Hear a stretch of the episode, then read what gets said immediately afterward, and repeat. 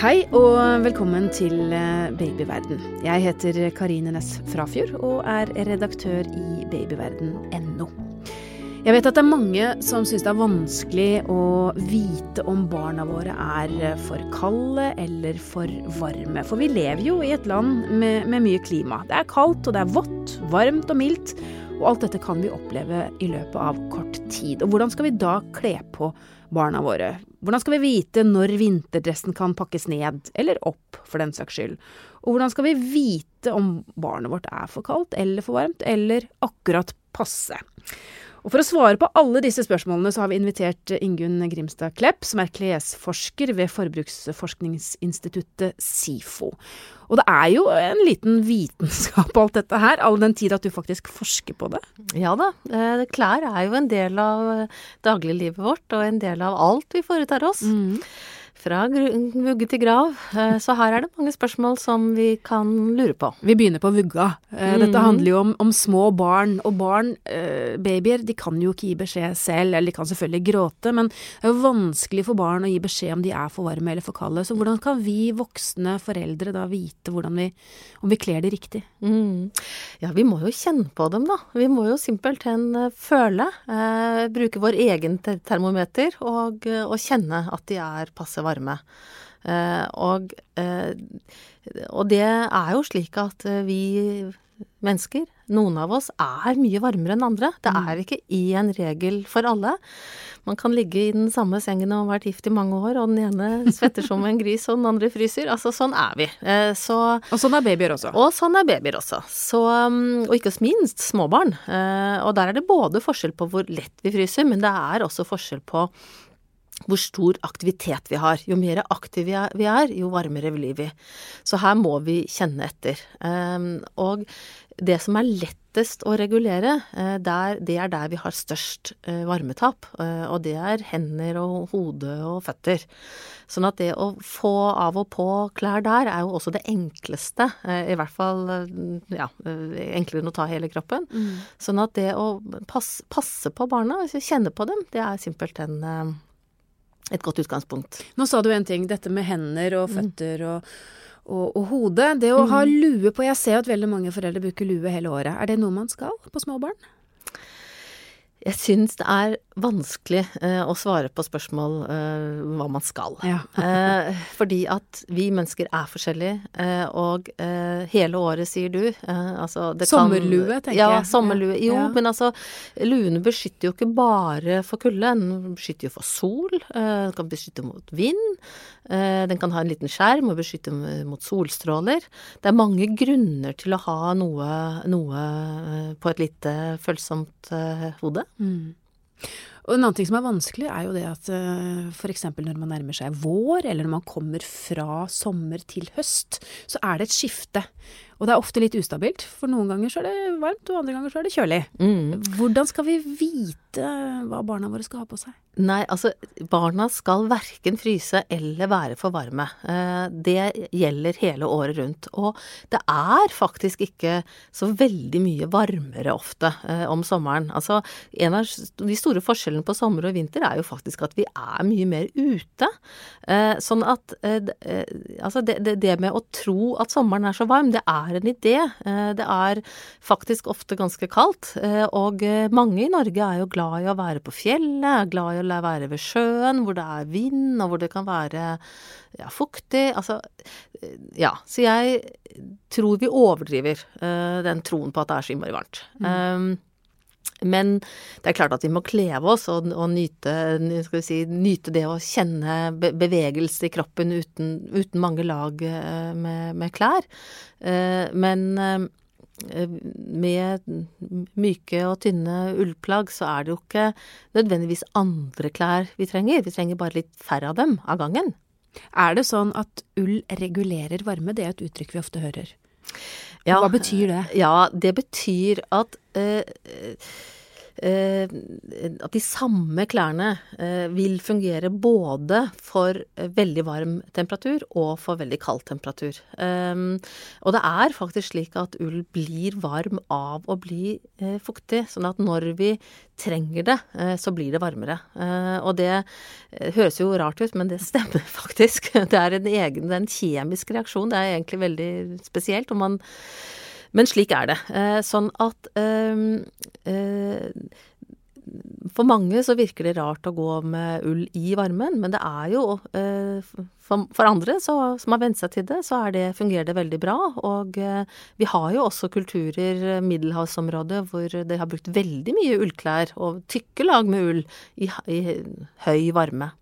Så det kan faktisk hjelpe oss hvis vi er litt usikre? Ta på ull innerst, for da vet vi at det vil regulere seg? Ja, altså det med å bruke ull innerst gjør jo at eh, eh, hvis man blir for varm, så blir man eh, svett. Men det gjør ingenting, fordi at ullen har god evne til å ta opp fuktighet uten å bli kald.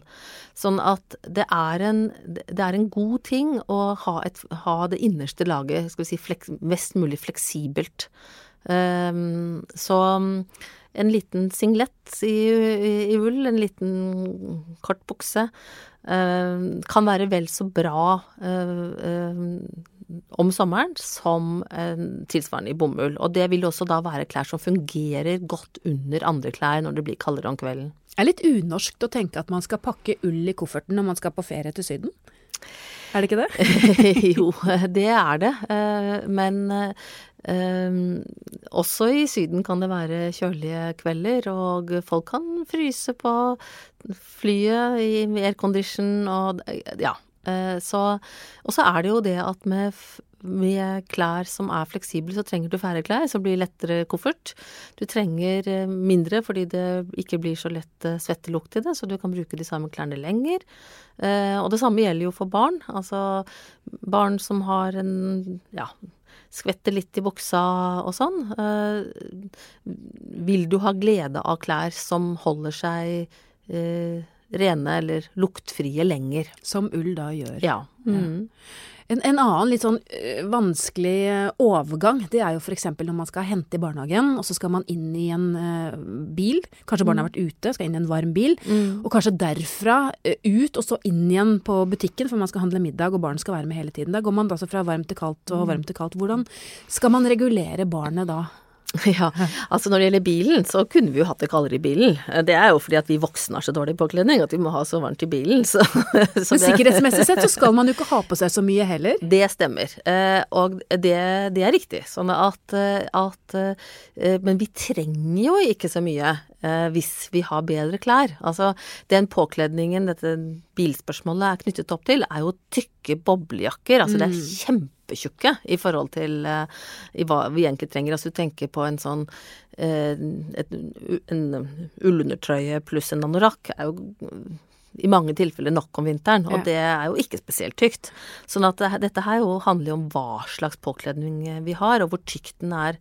Um, så jeg vil jo si at, at bilen, der kan vi ha det kjøligere, og vi kan uh, unngå disse veldig, veldig tykke Altså sitte med disse veldig tykke bobleklærne. Vi skal snakke mer om hvordan man skal eh, kle på, eller kanskje av seg, i eh, overganger. Men aller først så skal vi ha noen ord fra våre sponsorer. Visste du at tidlig høytlesning, helt fra barn er nyfødt, pangstarter språklæringen? Barn og babyer som blir lest for, utvikler språk og hjerne på en annen måte enn barn som ikke blir lest for.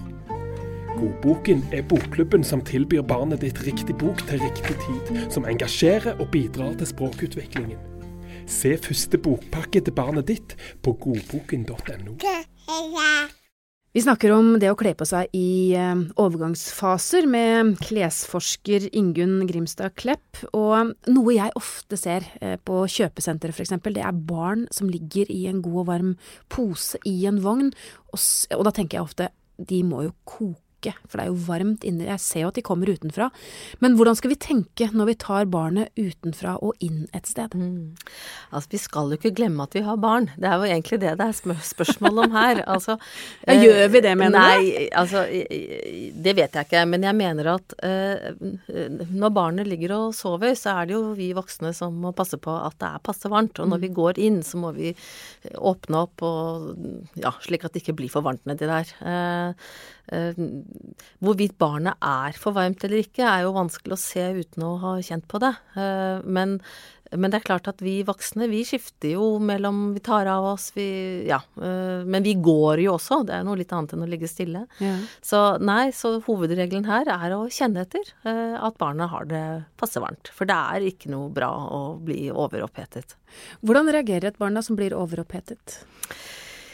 Altså, det kan jo skje mange forskjellige ting knyttet til det. Så det vil jo være avhengig av barnet. Eh, mm. Men, men, at det er bra, det er det ikke. Så ja, kjenn etter og reguler temperaturen ved å ta, åpne opp klærne, ta av litt og sånn. Ja. Du har snakket om at det er viktig å ha få plagg, kanskje, men, men gode plagg, og plagg som er riktige til den situasjonen de skal brukes i. Uh, og så vet vi at vi snakker mye om ull, og så vet vi at det er store forskjeller på kvalitet. Er det sånn at det dyreste alltid er det beste? Nei, eh, det er det ikke. Eh, det er slik at vi i Norge har et veldig bra marked for barneklær i ull. Og det finnes gode produkter, både billige og dyre. Eh, så, eh, så, jeg vil jo si at her har vi mye fint å, å velge mellom. Og det er heller ikke slik at det samme er bra for oss alle. Det gjelder jo å finne ting som vi selv liker. Uh, og i forhold til ull og barn, så, så, er det jo også sånn at de vokser jo. Uh, sånn at det som er bra for dem, er jo ikke nødvendigvis det samme som er bra for oss voksne. For vi, forhåpentligvis vokser ikke så veldig. Eh, sånn at vi vil jo gjerne ha de samme klærne lenge. Eh, så for barna er det jo ikke styrke like viktig. I hvert fall ikke de aller minste, for de vokser jo ganske fort. Men mm. ellers så er det et veldig godt tips i forhold til det med småbarnsklær, eller barneklær i ull. Og det er at du kan få klærne til å vokse med barna hvis du hver gang du vasker dem, strekker dem skikkelig. Da blir de større. Å oh ja, men det blir ikke ødelagt eller uh, mister på en måte nei. noe effekt? Eh, nei. nei. Uh, ull kan overstrekkes, som vi kaller dette. Uh, dette og det gjør at vi kan forandre fasongen på klærne ganske mye. Jo tykkere ulla er, jo større mulighet har vi for denne type endringer. Men hvis du tenker at barna normalt vokser, så vil du ved å strekke etter hver vask kunne holde klærne i bruk mye lenger. Eh, og det er egentlig det å holde klærne i bruk lenge, er i grunnen en veldig god ting i forhold til miljø, og det er en veldig god ting i forhold til eh, å bruke minst mulig penger på klær, og derfor også kunne kjøpe det man har lyst til. Da tok du opp et nytt stikkord som også er viktig, dette med miljø. Fordi ull eh, Vi hører jo ofte mikroplast, f.eks. nå eh, i sammenheng med ull. Hvordan henger det sammen? Ja, eh, det store problemet med mikroplast i forhold til klær, det er de syntetiske fibrene. Eh, nå er det eh, ca. 70% av hele klesproduksjonen i verden er syntetiske tekstiler. Og syntetiske tekstiler de bidrar da til spredning av mikroplast gjennom at de vaskes. Og dette her er i stor skala. Det er antageligvis den tredje største kilden til mikroplast i havet. Så dette er et skikkelig stort problem. Eh, når det gjelder eh, ull, eh, så er det jo slik at ull er et naturmateriale som brytes ned. Men ull kan også ha behandlinger som er syntetiske. Og det vet vi mindre om. Altså mikroplast problematikken er ganske ny, og det er mye vi ikke vet om mikroplast i dag. Mm. Um, så det forskes på akkurat dette spørsmålet. Uh, hvordan da uh, superwash-behandlingene uh, fungerer i forhold til vask, og i eventuelt forhold til spredning av mikroplast. Men uansett så er jo det da et Skal vi si Um, noe som gjelder noen uh, ullplagg, og ikke alle. Og uh, ikke minst så er det jo da en liten del da, av, av ulla. Og når vi velger ullklær, så ønsker vi også at det kommer fra dyr som har hatt det bra? Ja, eh, det er klart. Og det gjelder jo igjen all produksjon. At vi må prøve å gjøre det på måter som er best mulig både for mennesker og dyr og miljøet. Eh, og eh, i forhold til sauer, eller sauenæringen, så er det slik at vi har problemer i forhold til merinoproduksjonen i noen land. Dette er spesielt for Australia. Og det er knyttet opp til utfordringer med den avlen som har vært, for å få fram så fin og tynn eh, fibre. Mm. Eh, det tar tid for Australia å endre på dette, og eh, i mellomtiden så er det mange av de norske firmaene som velger ull fra andre land, som ikke har dette problemet. Um, på sikt så vil nok Australia løse problemene sine, eh, men eh, for tiden så er det ikke problemet løst. Det har et vanskelig navn, dette problemet? Ja, det kalles mulesing. Eh, og det er altså da insektsangrep på dyrene. Og for å unngå at dyrene spises levende av insekter, så skjæres det bort et parti på bakparten av dyret, hvor det sitter noen kjertler som er særlig utsatte for disse angrepene. Um, og det som gjøres nå for å, for å, bote på dette, det er delvis at dyrene avles tilbake mer slik de var før. Altså mindre ull på hvert dyr, da, for å mm. si det sånn. Uh, og delvis at man bruker høytrykksspyler og vasker dem for å, for å holde dette i sjakk. Uh, og det er også noen som gjør denne, dette inngrepet, men med uh, smertestillende. Det er også en annen måte å gjøre det på. Men altså dette her er et problem i Australia. Og eh, hvis man da eh, ønsker eh, ikke mule, altså ull som ikke er mulest, så finnes det både merkeordninger for det, men ikke minst så finnes det jo ull fra andre land da, enn ja. Australia. Så jeg tenker at vi som bevisste, miljøbevisste foreldre, vi bør sjekke hva slags ull vi kjøper. Men absolutt fortsette å kjøpe ull og kle barna våre i ull. Det er vel kanskje det viktigste budskapet? Ja, det aller viktigste budskapet for, eh, for, en miljøbevisst forbruker, eh, det er at all produksjon er, har omkostninger. Eh, både for miljøet og, og, andre ting. Og at det å kjøpe lite og bruke det vi kjøper lenge, er faktisk den største forskjellen de fleste kan gjøre. Det var gode ord å avslutte med. Takk skal du ha, Ingunn Grimstad Klepp, klesforsker ved Forbruksforskningsinstituttet SIFO. Hvis du lurer på mer om dette temaet, finner du mange artikler på babyverden.no. Og diskusjoner med andre foreldre i Babyverdens diskusjonsforum. Last også ned appen vår, Gravid og barn, så har du informasjon om både graviditet og barnet ditt rett på telefonen. Har du spørsmål eller kommentarer, kan du sende en e-post til podkast at babyverden.no. Men husk, vi er journalister, ikke helsepersonell, så hvis du har medisinske spørsmål, må du ta kontakt med jordmor eller fastlegen din. Takk for at du hørte på Babyverden. Alt godt til vi høres igjen.